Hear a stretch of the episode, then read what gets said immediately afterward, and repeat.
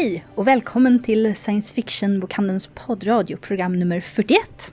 Dagens ämne är fantasyarkitektur. Jag heter Gabriella. Och jag heter Jenny. Vår huvudgäst idag är Raymond Feist. Jenny och han pratar bland annat eh, om fantasy och arkitektur och naturligtvis om hans, Hans nya, nya bok. bok.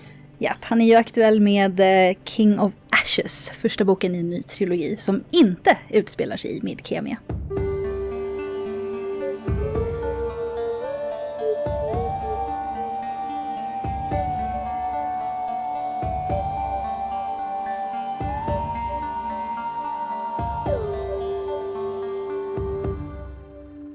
Men vad tycker du är den typiska fantasybyggnaden? Ja, det är väl ett slott. Det är ett medeltida slott eller en medeltida borg och sen har vi typ en stad, fast den funkar inte alltid som Framförallt eh, fantasyböckernas omslagstecknare om man nu ska vara petig. Det är ju Ja. oftare man ser dem än, än avbildningar exakt av hur slotten ska vara. Så är det ju inte medeltida slott de tecknar utan Nej. de tecknar av eh, en version av den tyvärr eh, vansinnige kungen av Bayern som byggde Neuschwanstein som, googla det, hisnande vackert slott byggt alltså framåt 1800-talet av någon som önskade att han levde i ett wagnerianskt fantasy-epos.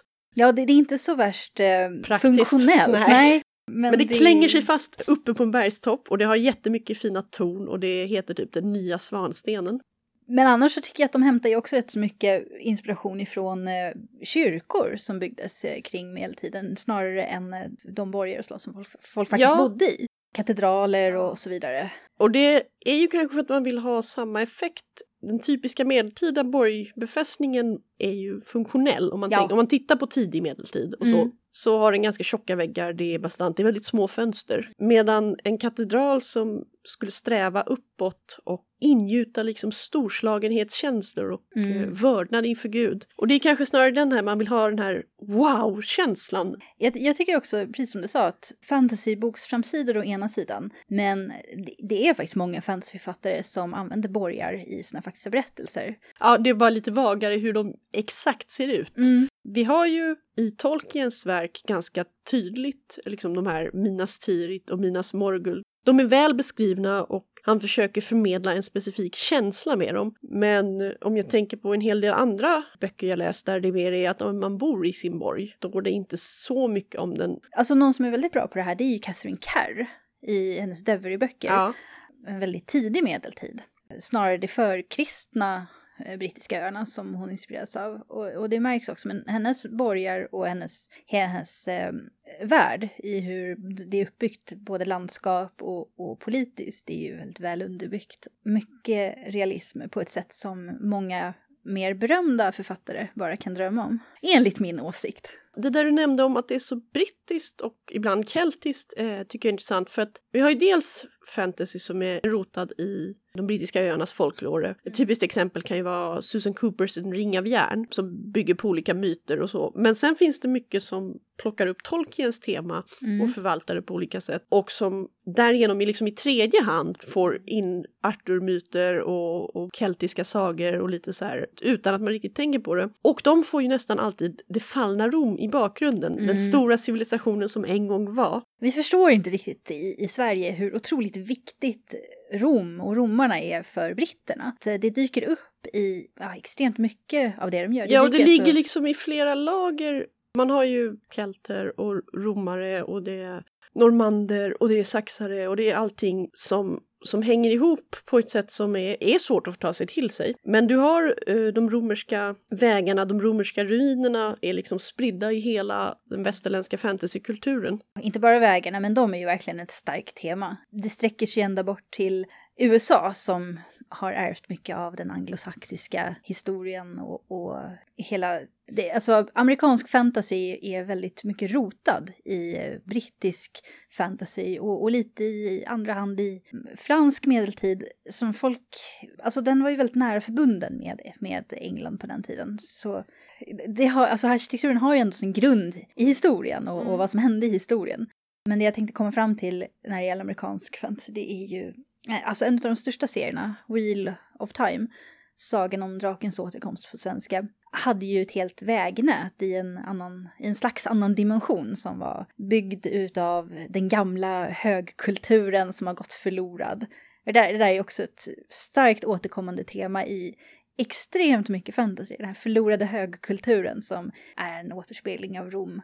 Vi har ju i, alltså gillar man fantasy och arkitektur så bör man ju absolut läsa Rivers of London som vi har tipsat om förut, Jo, bland ja. annat i Londonprogrammet. Men huvudpersonen har ett stort arkitekturintresse och i den näst senaste boken i serien, Foxglove Summer, så spelar romerska vägar lite roll för han lämnar nämligen London.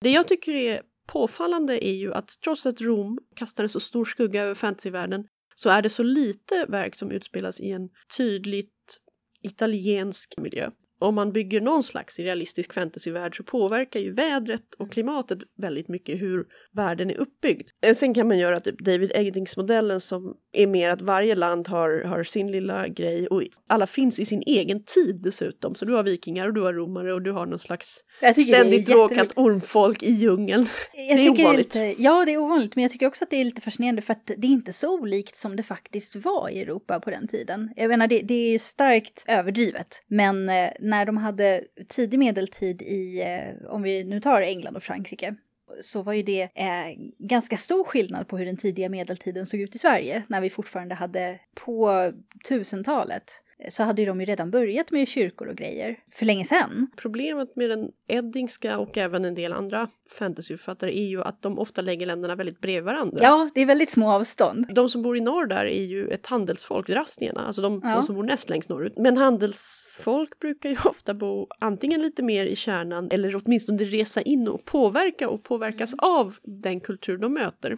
Jag tycker, jag tycker att man har blivit bättre där med fantasyböcker på sistone. Alltså folk försöker mer. Jag tror Robert Jordan är en av de som spelade stor roll. Det är inte så att han skrev fantasyhistoria och så bara la han på lite magi utan han skrev en helt ny värld men han skapade ganska liksom helgjutna kulturer och han försökte få dem att passa ihop på ett intressant sätt. Ja, det är väl där som han, om jag nu ska vara lite fräck, tycker, jag, jag tycker han skiljer sig markant från Tolkien, som inte gjorde det. Ja men Tolkien skrev ju mer den episka sagan. Ja, men absolut. Och dessutom är det faktiskt så att det är ju en översättning av boken som Bilbo påbörjade att skriva som vi har och han är påverkad av alvisk propaganda, det vet vi ju allihop. Ja, just det.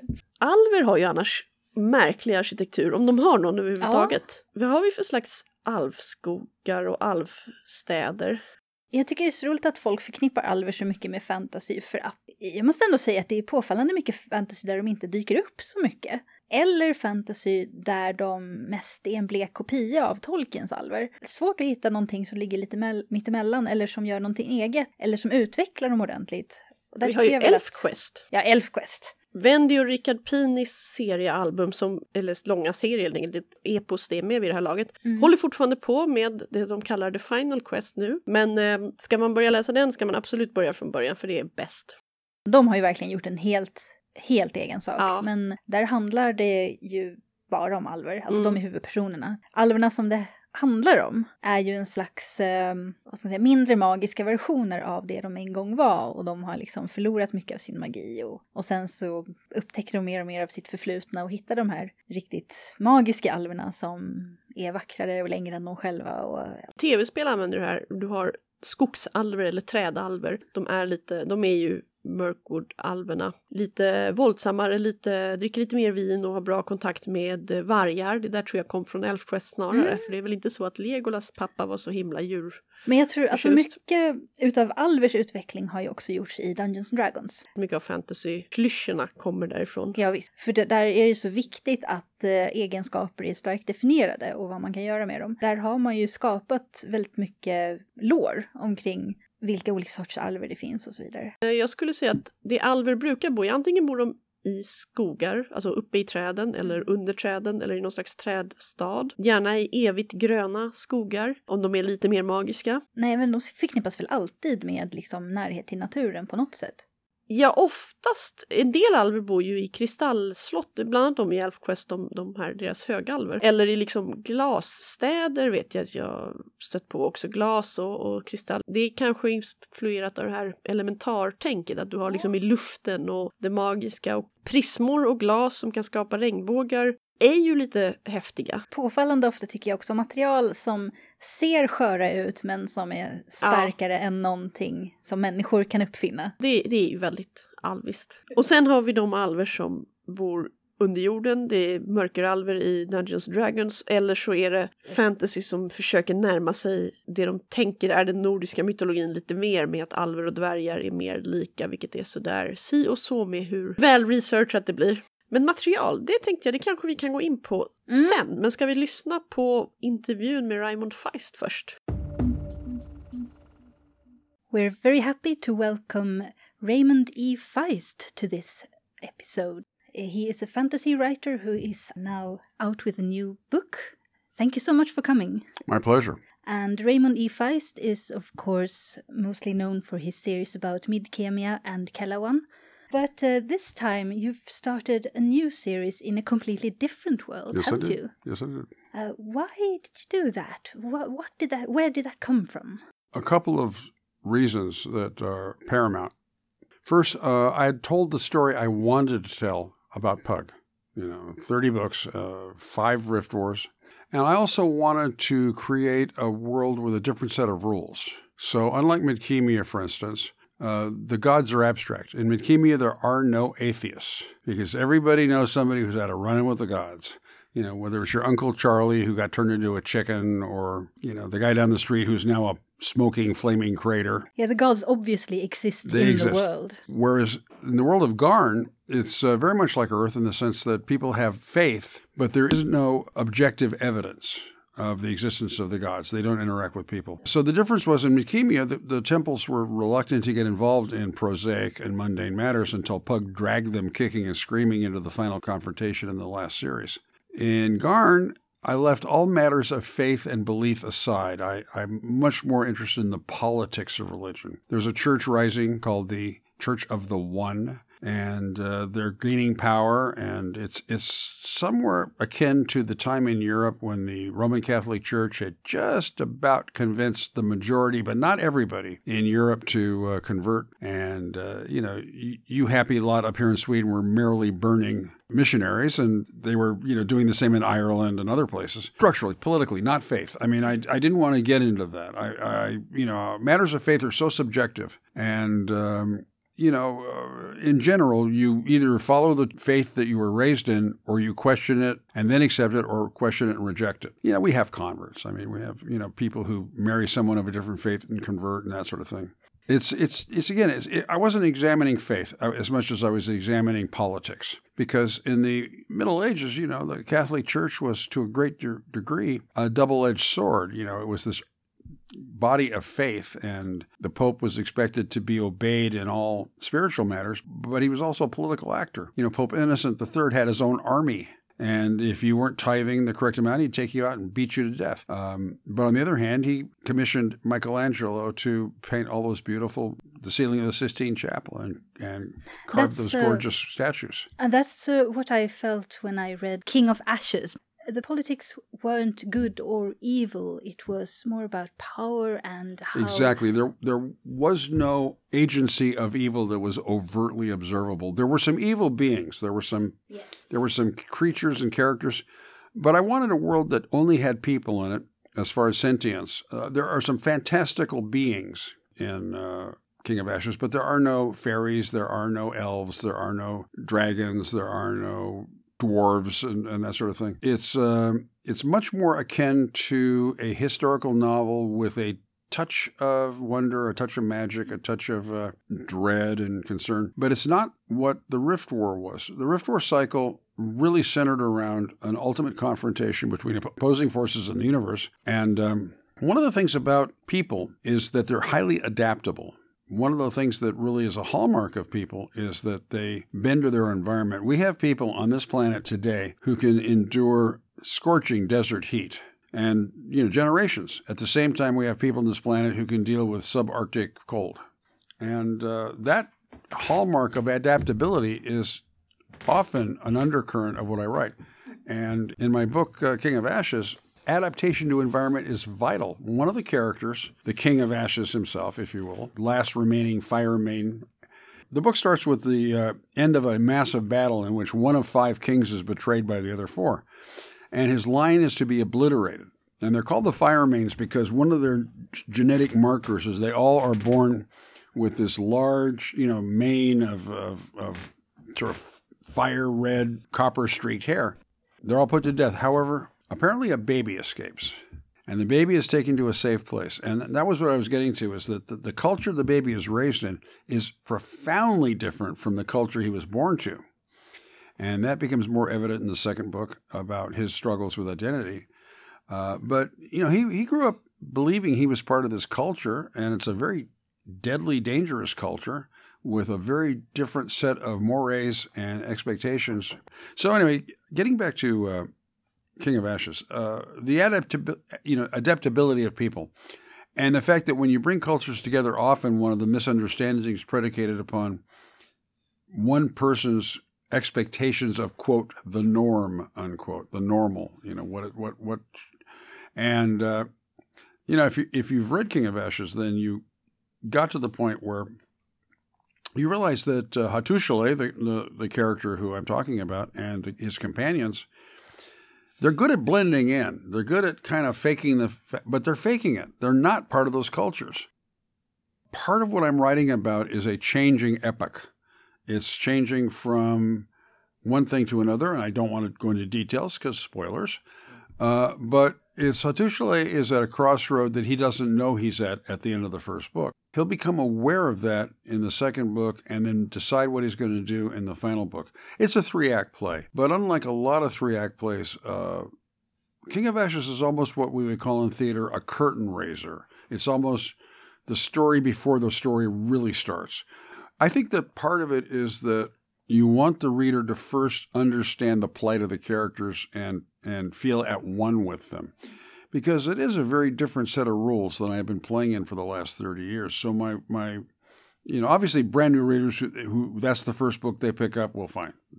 But people who are really expecting another type of Midkemian novel, you know, I think they'll recognize my writing style. I think they'll appreciate the characters for being who they are and somewhat close to the style of characters that I've written about before. They're all unique, but they'll echo previous characters. But it was the story that I was concerned about in that the big crashing fights and battles and confrontations and that's that's later. That's down farther down the road in the narrative. There's some really nasty stuff I'm about to write when I get home where a major change occurs and it affects most of the characters you've met. One thing happens that all but one or two characters deal with, and it sets them all off on different directions from where they were before. And so the reader has to be very comfortable with who those characters are and what's happening before that. Otherwise, it's going to be who cares. But sometimes your characters go off and do what they want anyway and don't pay attention to you, you know. Yeah, Hava told me she wants to be a pirate. Okay. I don't know how much work that in, but one of the problems I have is when I deal with much younger writers or and fans who bring modern sensibilities and perspectives and they say, well, you know, this and that, blah, blah, blah. And you go, well, okay, the world I'm writing about doesn't have that stuff. The world I'm writing about doesn't have a uh, department of being nice to people. It doesn't have whatever you look to. I mean, like there's no Me Too movement. It's more women than men in terms of oppression and abuse but it's also class. So that even if you're a male, you could be a male commoner and be a total swine and abuse your wife and oppress your daughter. But you, in turn, are being oppressed by the nobles. I thought about that with the barons in the beginning, Rodrigo and uh, Dalen, who uh, didn't want to do some of the things they had to do. And also, they are seen as just men but they also keep slaves. Yes, I mean, or or well, some, but uh, indentured servants, and yeah, and you know, Rodrigo is absolutely an abuser. You know, I mean, if you're a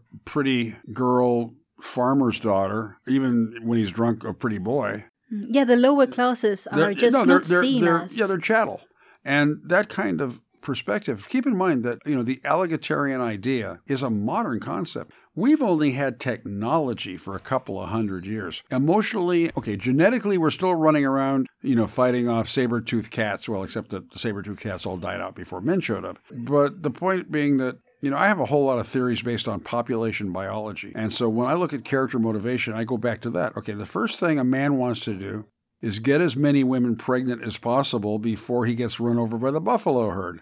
That's how male is biologically successful. The first thing a woman wants is to be really, really fussy about who's the father of her children because she wants the guy who's not going to get run over by the buffaloes and will come home and feed her and the kids. Those two motivations don't work well together. So a huge part of male domination historically has been, you know, alpha male behavior. I'm the boss, I'm getting the pretty girls. That's changing now. You know, it, has been in operation forever, but because we don't need that as a society anymore, or, or as societies, we don't need alpha male behavior. We don't need, you know, some guy beating his chest and chasing away the lesser males. But also in, uh, uh, even in a world like this, uh, Hatshale can be dissatisfied with the way other men speak of women. He feels like this is not really how well, Declan, I see. Well, Declan, for instance, grew up in a very small village, Yeah. and therefore he was a peasant. He was a commoner. Um, and they have a very traditional view. very traditional view, and uh, up to a point, not quite American, not quite European, uh, but in the sense that in that small population, yeah, there are some, you know, teenage daughters who their mothers pull their hair out and say, "Get your butt back in here and stop talking to the boys." And they sleep with the boys anyway. And, you know, Declan re- references back to he's had a few of those. But Declan was raised by a man and woman who adore each other. And, and you know, Edvald and Mina, they love each other and they have a daughter. And Edvald would never cheat on Mina. He is by nature monog- you know, monogamous. And to a large part, it's because he's a man who, through his captivity and suffering, really grew to appreciate that it's not just sex and making babies and being the alpha male, it's also intimacy. It's also having somebody to rely upon. So there's some of that in there. That's also what uh, Hatshale is missing the intimacy. There was one sentence when he first become attracted to a girl, and he goes to one of the women teachers, and she just tells him to go to one of the male teachers, who only teaches him about sex. Right. And he has no one to go to. Because Hattusile has, has a void, he has an emptiness. And I'm not going to get too much into my biography, but you know, there were times in my life because I was my father died when I was very, very young. I was barely five years old, and my mom was single for a while, and my stepfather died when I was 19. So I, I watched this firsthand. I experienced some of it firsthand. And when you get to a certain age where you have certain resources, often you flail about. You don't really have a frame of reference to guide you. You know, you have movies, you have books, you know, maybe you have teachers or counselors, but basically those are all opinions. Uh, what really satisfies you, and you have to discover that yourself. Um, I've been very blessed in many ways. Uh, relationships, not so much. I mean, I, I was married and, and it didn't work out, but I have two amazing kids who I adore, so I'm, I'm glad for that. And, you know, I'm okay with being single. I'm okay. I only wanted to get married once, and I did. And I don't feel a whole lot of motivation to get married again. And I think that's true for a lot of people, that uh, for some people, being single can be satisfying enough. Well, I don't particularly find it satisfying, but by contrast, I also don't find it unsatisfying. I, I don't sit and fret. I mean, I, I and being a writer, I can probably fantasize a little better than most. Yeah, you know, some perfect romantic relationship. Yeah, that, you know, Hollywood stuff. Sure, you dream about that. You know, it's like, but but the reality is is that relationships are hard work, and uh, you got to be willing to to give and get. I'm 72 years old. You know, I'm kind of a cranky guy set in his ways. So it would take a remarkable woman for me to start modifying that and adjusting. You know, it's easy to do when you're in your 20s. I mean, it's, it's hard enough to do when you're in, in your 20s, but it's easy by contrast to somebody my age. But here's the thing I'm not looking for it. I've got a great career. I have uh, terrific uh, kids, I uh, good friends. I travel. You know, I meet people. I enjoy myself. I tell people I'm the luckiest guy I know. So I don't dwell on my shortcomings and flaws. That came out wrong. I should probably dwell more on my shortcomings and flaws. I don't I don't dwell on what other people might perceive as shortfalls and uh, missed opportunities. And. You know what could have happened did, and I'm content with that. So I keep writing stories. Now we got a little off track, but getting back to the characters, you know, that's the void that Hattusile feels. He he, there's something in there that needs to be filled, and he partially finds it when his relationship with Hava changes.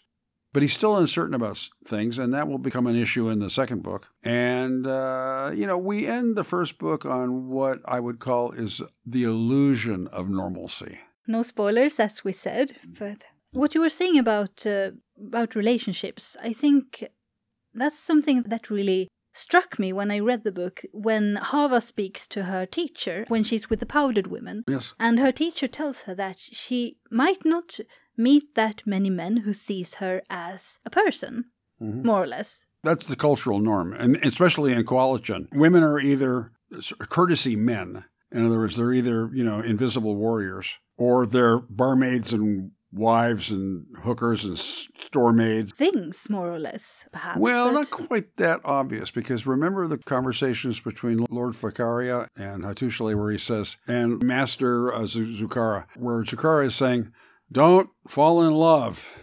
And yet he's got a mistress, you know, Yes. that he's in love with. that he's very much in love with and seems to see as an equal, Yeah. despite what he says. Exactly, and the point is, it's, it's a "do what I say, not what I do" kind of lesson. you know, it's, there's a poignancy there because he's trying to say, look, it makes you vulnerable, it makes you weak, it makes you unable to carry out your duties, and yet he's managed to achieve the pinnacle of power and success in that culture, despite that. But he won't admit it because it's not a cultural norm. Whereas Fakaria is saying, you know, don't listen to that guy. The two wild cards are Bodai and Fakaria. They understand that that's a culture that's winding down. It's coming to the end of its days, not in this month, not in this year, not even in this decade, probably not even in this lifetime. But things are changing in, on the world of Garn, and the politics is there. And something is hinted at in that first book that will eventually show up in the second and third book that I'm not going to talk about. But there are hints. There are hints that something happened that suddenly has the kingdom of night concerned. They found some evidence that some, let's say, long lost relatives have returned. We're talking about fantasy architecture in this uh, episode. This is something that struck me too that reading a lot of fantasy, sometimes I feel that the worlds are very static. No, it's very common historically that there's long periods. I mean, fiction doesn't necessarily replicate real life one on one, but you know, keep in mind that technology accelerates. Okay, that's that's something that's not Yes, necessarily once obvious. you reach a certain reach a certain point, right? well, it's kind of a slow build. Remember, there, the Egyptian dynasties were around about six thousand years before Caesar showed up. Oh yes, You know, time. so so, and by the time Caesar got to Alexandria, Greeks were ruling Egypt. The Ptolemies were not Egyptian; they were left there by Alexander the Great. You know, Ptolemy had been one of Alexander's generals, and you know, when Alexander, towards the end of his campaign before his death, he gave Egypt to, to his, his buddy Ptolemy. One of the things about uh, you know the six thousand years of that, and then Rome. So we go ten centuries before we see major engineering and major technological stuff. I mean, for four or five hundred years, it was how to sharpen a better sword, how to build a better piece of armor, how to build a slightly better ship.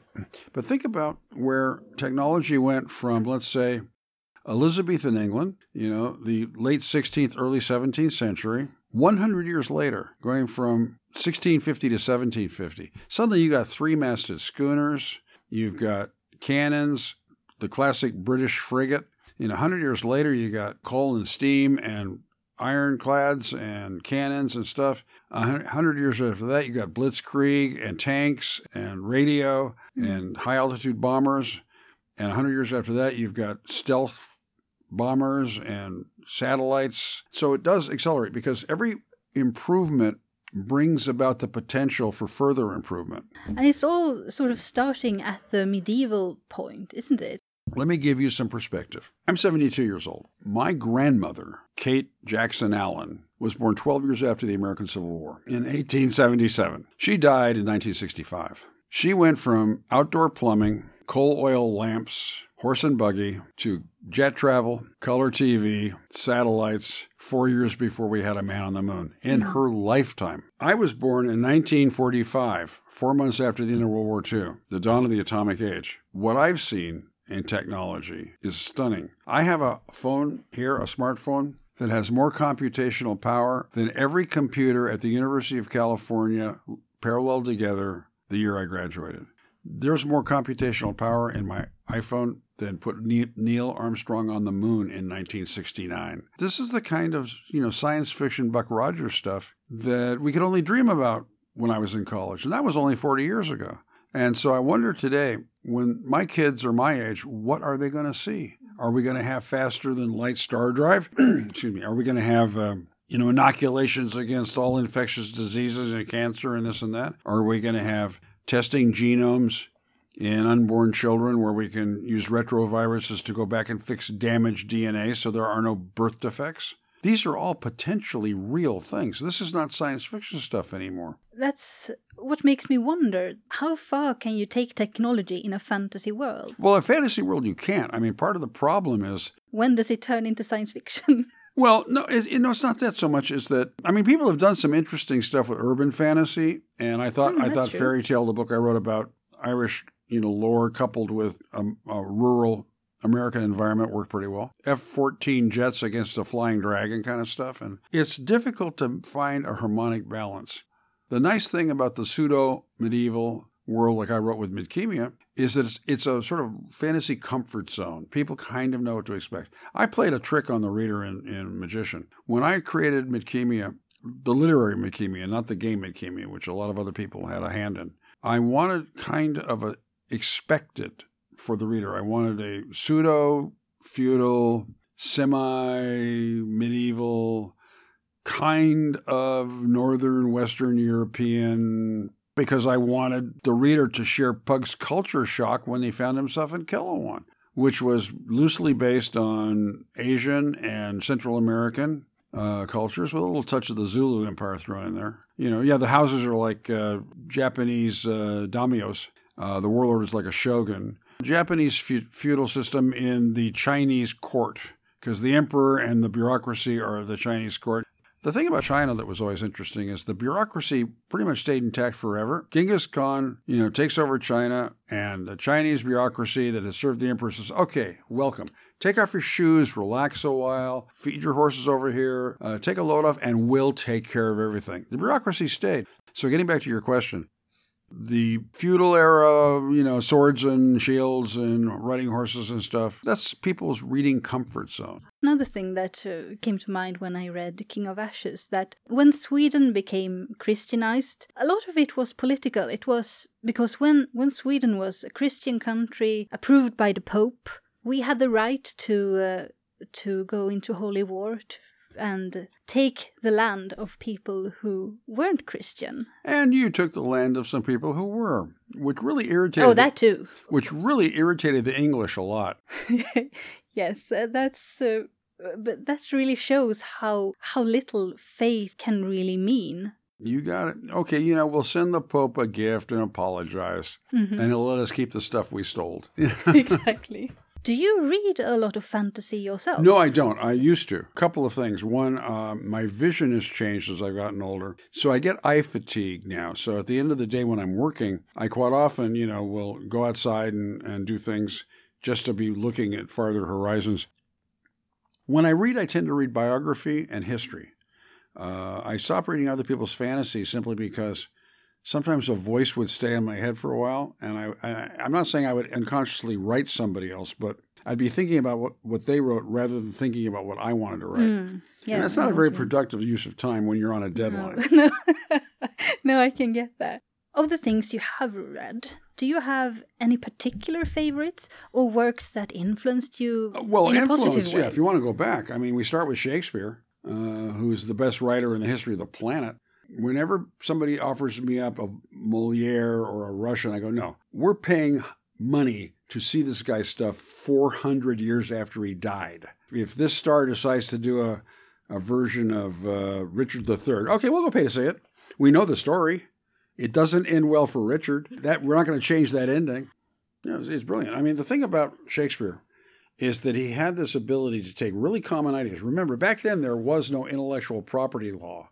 So Romeo and Juliet was basically lifted from a relatively popular Italian play. Nobody knows who the author of that Italian play was, or maybe some scholar some university in Padua does, but it's I tell people this, it's I'm not the first guy to write a book about a kid who becomes a magician. I'm not the first person to write about, you know, dragons.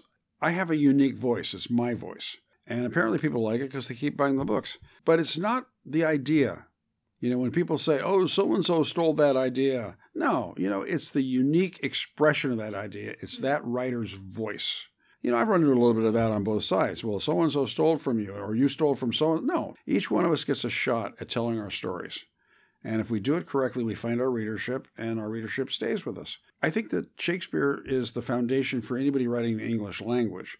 I think for any European, he's a touchstone. But to be truly cosmopolitan, you got to read a couple of the Russians. You got to read Pushkin or Dostoevsky, you know, Tolstoy. Know something about the Greeks because they're foundation of Western culture. You know, you want to know about Euripides and Eumenides and Estophanes and those guys. I mean, you know, I, I haven't read them since high school and college, but I remember. I still think Medea is is just a tremendous play. You know, Jason and Medea and the sacrifice of his children and all that. It's the stuff that touches really fundamental, raw human emotion.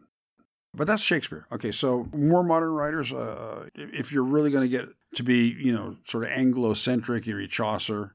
If a little French, you want to read uh, Mallory. The later writers, Sir Walter Scott and Robert Louis Stevenson, up through the pulp guys, you know, Robert Howard and A. Merritt, into Tolkien. If we're talking strictly fantasy, uh, obviously, if you have other genres, there are other writers. If you're really going to appreciate British literature, you got to read Dickens, you got to read Jane Austen. Uh, you don't have to read everything they wrote, but they're good writers, and some of that stuff is damn right fun. You know, the Brontes, maybe. Yeah, I I agree. A lot of the classics are a lot more fun than people think. Mm. But I think you are the first author who has recommended Shakespeare directly. You're kidding me. Wow. He is the foundation of, of English language literary culture. Maybe it's because people take him for granted. But uh, we're drawing close to your signing time, so we have to stop talking now. Thank you so much for coming. My absolute pleasure. I was really glad to be here. Vi började ju prata lite om material i början av programmet. Vi måste säga, det är ju väldigt viktigt för fantasyarkitektur för att man bygger ju ofta, alltså byggnaderna som är de mest fantastiska, de som, som, vi sa, som ser sköra ut men som är starka, de kan ju inte byggas med material som vi har. Nej, framförallt på medeltiden, alltså vad byggde man med? Man byggde med äh, avföring från djur blandat med lera och så kanske man brände det till någon slags sten och så lite halm och så lite trä, om man är så här med en tegel och trä, det är ju det kanske man bor i nu. Det är inget mm. häftigt, det är inget spännande. Och sten är ju väldigt hållbart och stabilt, men det tar ju väldigt lång tid att bygga med det. Och och man kan ju alltid, om man vill att eh, staden ska ha stått i 10 000 år och vintern har pågått i 100 000 eller något, då kan man ju alltid bygga i magisk sten som yeah. håller ännu längre. Överhuvudtaget okrossbara, oförstörbara material är vanliga. Mm.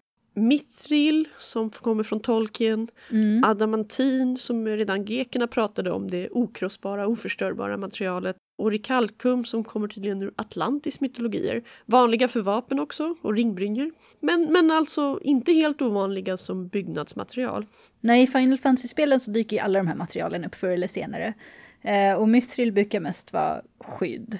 Orikalkum det brukar vara en dolk eller svärd. Eh, det dyker även upp i till exempel Elder Scrolls-spelen som verkligen leker med väldigt många fantasy-troper och som även har något de kallar ebony, men som ju du bryter i en gruva. Och där du tydligen kan bara plocka på dig i fickan lite bitar och sen kan du göra en hel rustning av det. det är... Eh, just Final Fantasy-spelen har ju den här tendensen att samla uttryck, material eh, och mytologi och inspiration till mytologi från all möjliga fantasy och, och blanda hej vilt. Och eh, ebony, alltså ebenholts, det är ju så här gammal sagomaterial. Elfenben mm. och ebenholts, liksom det svarta och det vita, mm. det dyrbara. Och i Den oändliga historien av Mikael Ende, som ju verkligen alltså leker med deras nästan jungianska, så här, det som ligger under sagorna. Där har vi ju Elfenbenstornet mm. som står mitt i fantasien. Det är nav kring vilket hela den verkligheten på sätt och vis kretsar. Och den, den tanken dyker ju också upp i Stephen Kings Det mörka tornet. Där du har då, ja, The Dark Tower kring vilket allting kretsar, alla par parallellverkligheter.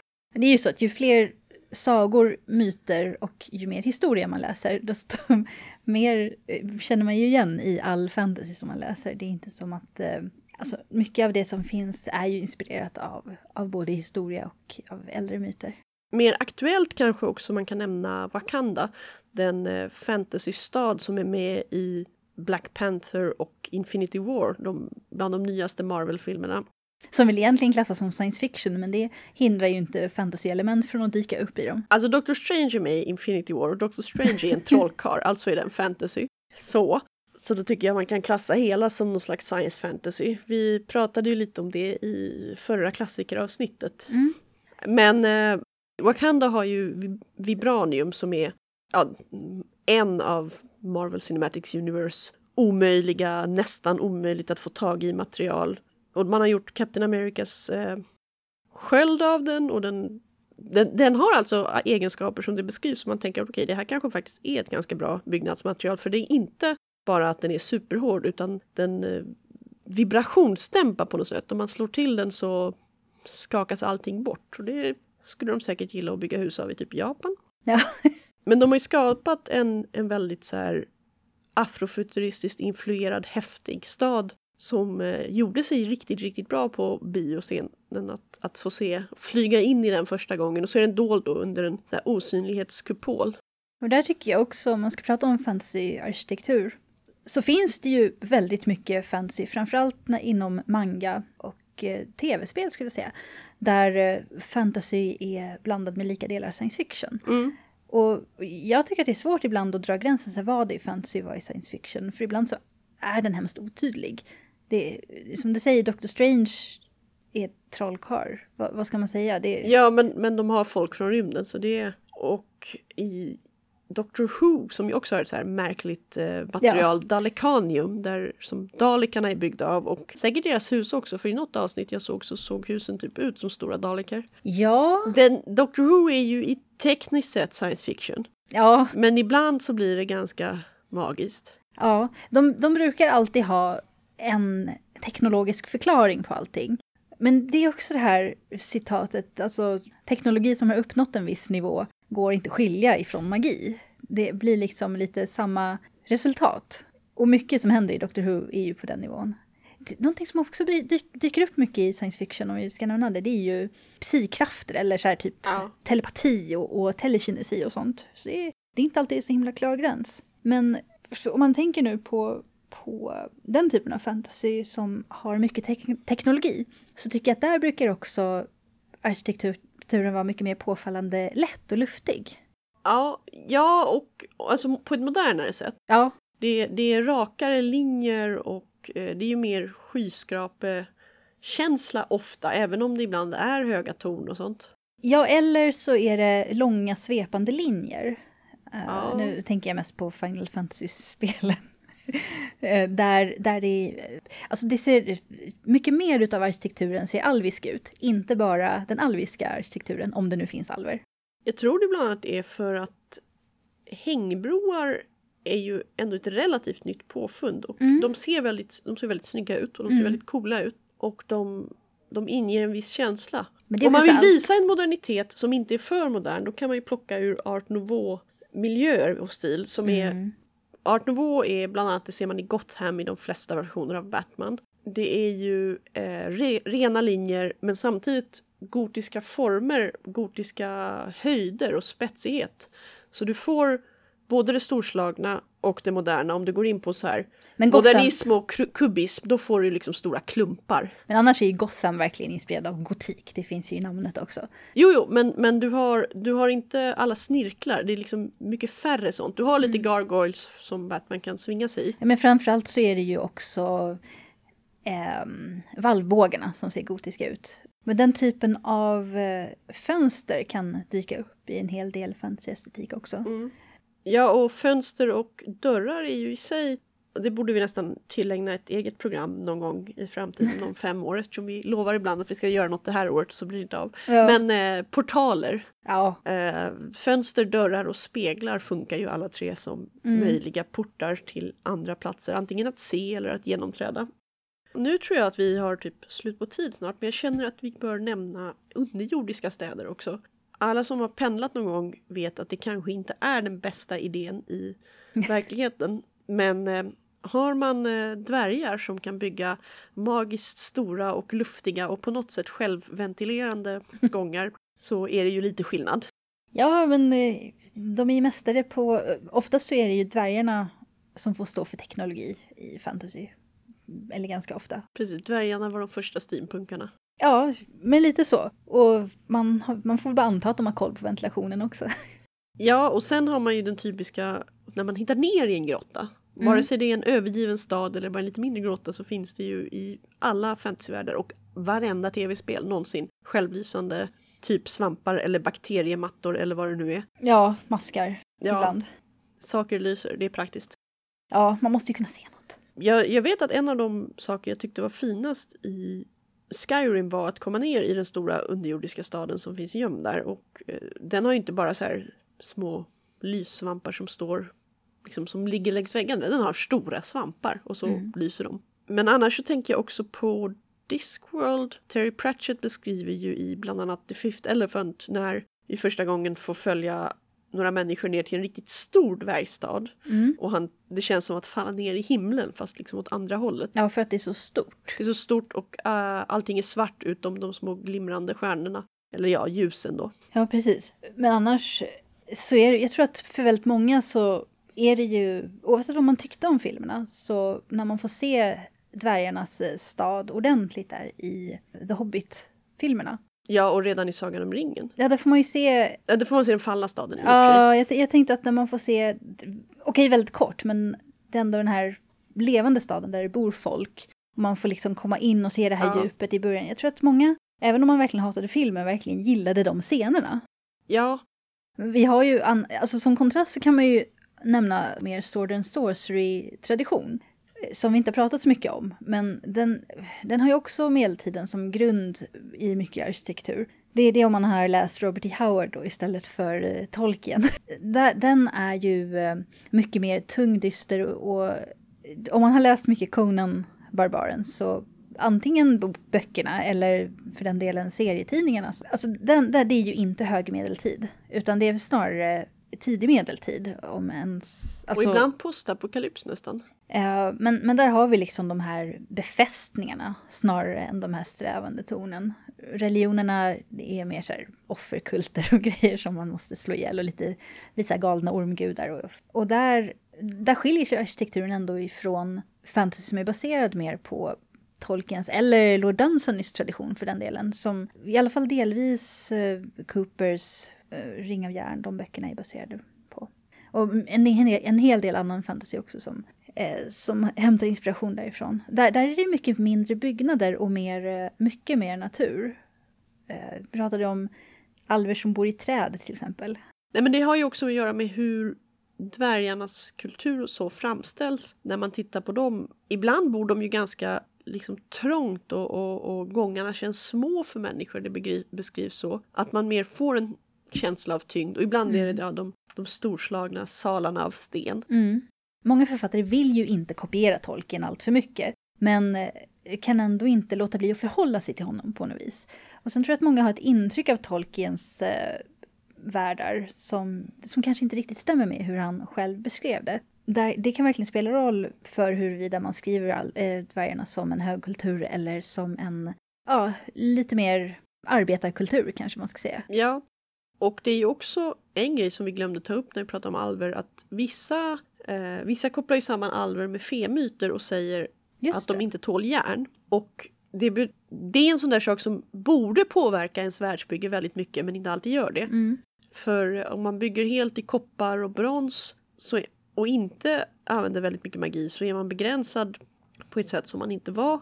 Liksom, att vi kan bygga i stål gör att vi kan bygga mycket mer idag än man kunde förut. Och det finns ju en anledning till också att de här riktigt, riktigt bastanta grejerna som står kvar, det är pyramider. De är väldigt stabila. Men om man går långt tillbaks i tiden och, och börjar höra berättelser om eh, fyrtorn och, och mausoleum och andra saker så är det ju liksom, ja men de sköraste sakerna går ju sönder först. Mm. Topparna på pyramiderna brukar ju vara täckta med elektrum, alltså en blandning av guld och silver. Ja, de brukar dö. Ja, Det, ja, det har man ju plockat bort så länge. Det, det försvann först, tror jag. Jo men också du har i Sydamerika har du ju trappstegspyramider och så och som kan vara dekorerade och på andra sätt. Men att, att det är Ja, en det- form jag tycker dyker upp ganska sällan i fantasy. Ja, är Eh, om, sant. om man inte är så här, men det här, nu, nu ska vi markera Mm. att vi är i Egypten eller i aztekvärlden. Det är ju så himla vanligt att man har den stora staden från förr och det är bara ruiner kvar. ja. Men de ruiner som är kvar är djupa underjordiska gångar eller så är det liksom stora torn eller så är det Mm. bibliotek och skattgömmor. Om man tittar på vad som faktiskt brukar vara kvar så är det ju lite, lite solidare saker. Eller så finns det ändå folk som underhåller det. Parthenon till exempel har genomgått flera restaureringar med mer eller mindre uh, lyckat. Ibland förstör man mer än man vill. Någonting som är vanligt också, det är ju att man, det har ju hänt i Rom väldigt mycket, att man har helt enkelt tagit material från gamla byggnader och byggt nya. Ja. och då, då försvinner det ju också. Eh, och det där har ju också att göra med liksom var, var finns byggnaderna? Eh, ligger de mitt i en liksom, storstad som håller på att växa, då kommer folk att använda det där till någonting om Ja. de inte förhindras på något aktivt sätt. Alltså det finns överhuvudtaget väldigt mycket att, att rota bland Mm. historiskt om man vill. Ja, och det, det finns ofta inslag ifrån vissa delar av Europa. Och det finns ju rätt så mycket vikingafantasy som jag inte har läst så mycket av, vet jag. Men, men det finns ju. Och det är också en sån där grej att man kan, om man vill visa att "Ja, men nu är inte jag i fantasyland, utan Mm. nu är jag i ett annat land, Ja. så stoppar man in en pagod. Ja. Och så har man liksom... Eller ett långhus. Det är också ett sätt att markera liksom att det här, men det, det är det här sammanslagning av, man säger västländsk fantasy, men man menar egentligen typ anglosaxisk fantasy. Med, Ja, med lite kanske. kryddor här och där. Och, och sen, eh, någon som jag tyckte gjorde det här på ett intressant sätt, det är ju eh, Erik Granström som har skrivit eh, Femte konfluxen-böckerna, börjar Mm. med Svavelvinter. Så det finns ju andra författare som också använt renässans Italien till exempel, bland annat Ja, eh, det är Scott också... Alltså Venedig är en vanlig miljö, lite så här... Ibland lite malplacerat, för ibland har du Venedig utan att ha resten av, ja, av den tiden, utan du har bara Venedig. eller Florens. Ja, de sitter lite... Folk gillar ju kanalerna, så det är typ Venedig Ja. med Florens politik. Men inga korståg och inga stora handelshus. Och vänta, hur gick det här till Mm. egentligen? Så, så är det ju inte i, i Granströms böcker. Den, de är ganska väl utvecklade eh, länder där. Och där, där tycker jag att eh, det funkar väldigt bra med relationen mellan de här länderna. Och han har ju också tagit med i beräkningen eh, hur, hur eh, att folk reser mycket men också att det inte var så himla lätt för alla att ta sig överallt. Och det tycker jag är... Det, en del fantasyförfattare har lite svårt att hitta den där balansen mellan inflytandet mellan länder men också så här, vilka var det som reste och Ja. varför reste de? Ja, precis. Att säga att ja, men folk reste ju och kulturer påverkar betyder ju inte att liksom, din genomsnittliga bonde eller torparfamilj tog en chartervecka varje år. Eh, på sin höjd fick de gå en pilgrimsfärd någonstans. Folk kunde resa en del men inte alltid. Och sen kunde det ju vara lite krig i vägen och, och sånt där. Ja, visst, då kom man ingenstans. Jag tror att vi har uttömt våra förvirrade kunskaper i fantasyarkitektur. Som tidigare sagt så vill vi jättegärna höra om ni tycker att vi har missat någonting eller har glömt bort ett område inom fantasyarkitekturen. Mm, hör gärna av er om ni har några åsikter. Och det var allt för den här gången. Nästa gång så är det avsnitt 42 som vi alla vet är svaret på den stora frågan om livet, universum och allting. Därför kommer vi prata om Liftarens guide till galaxen, Douglas Adams och därtill relaterade saker.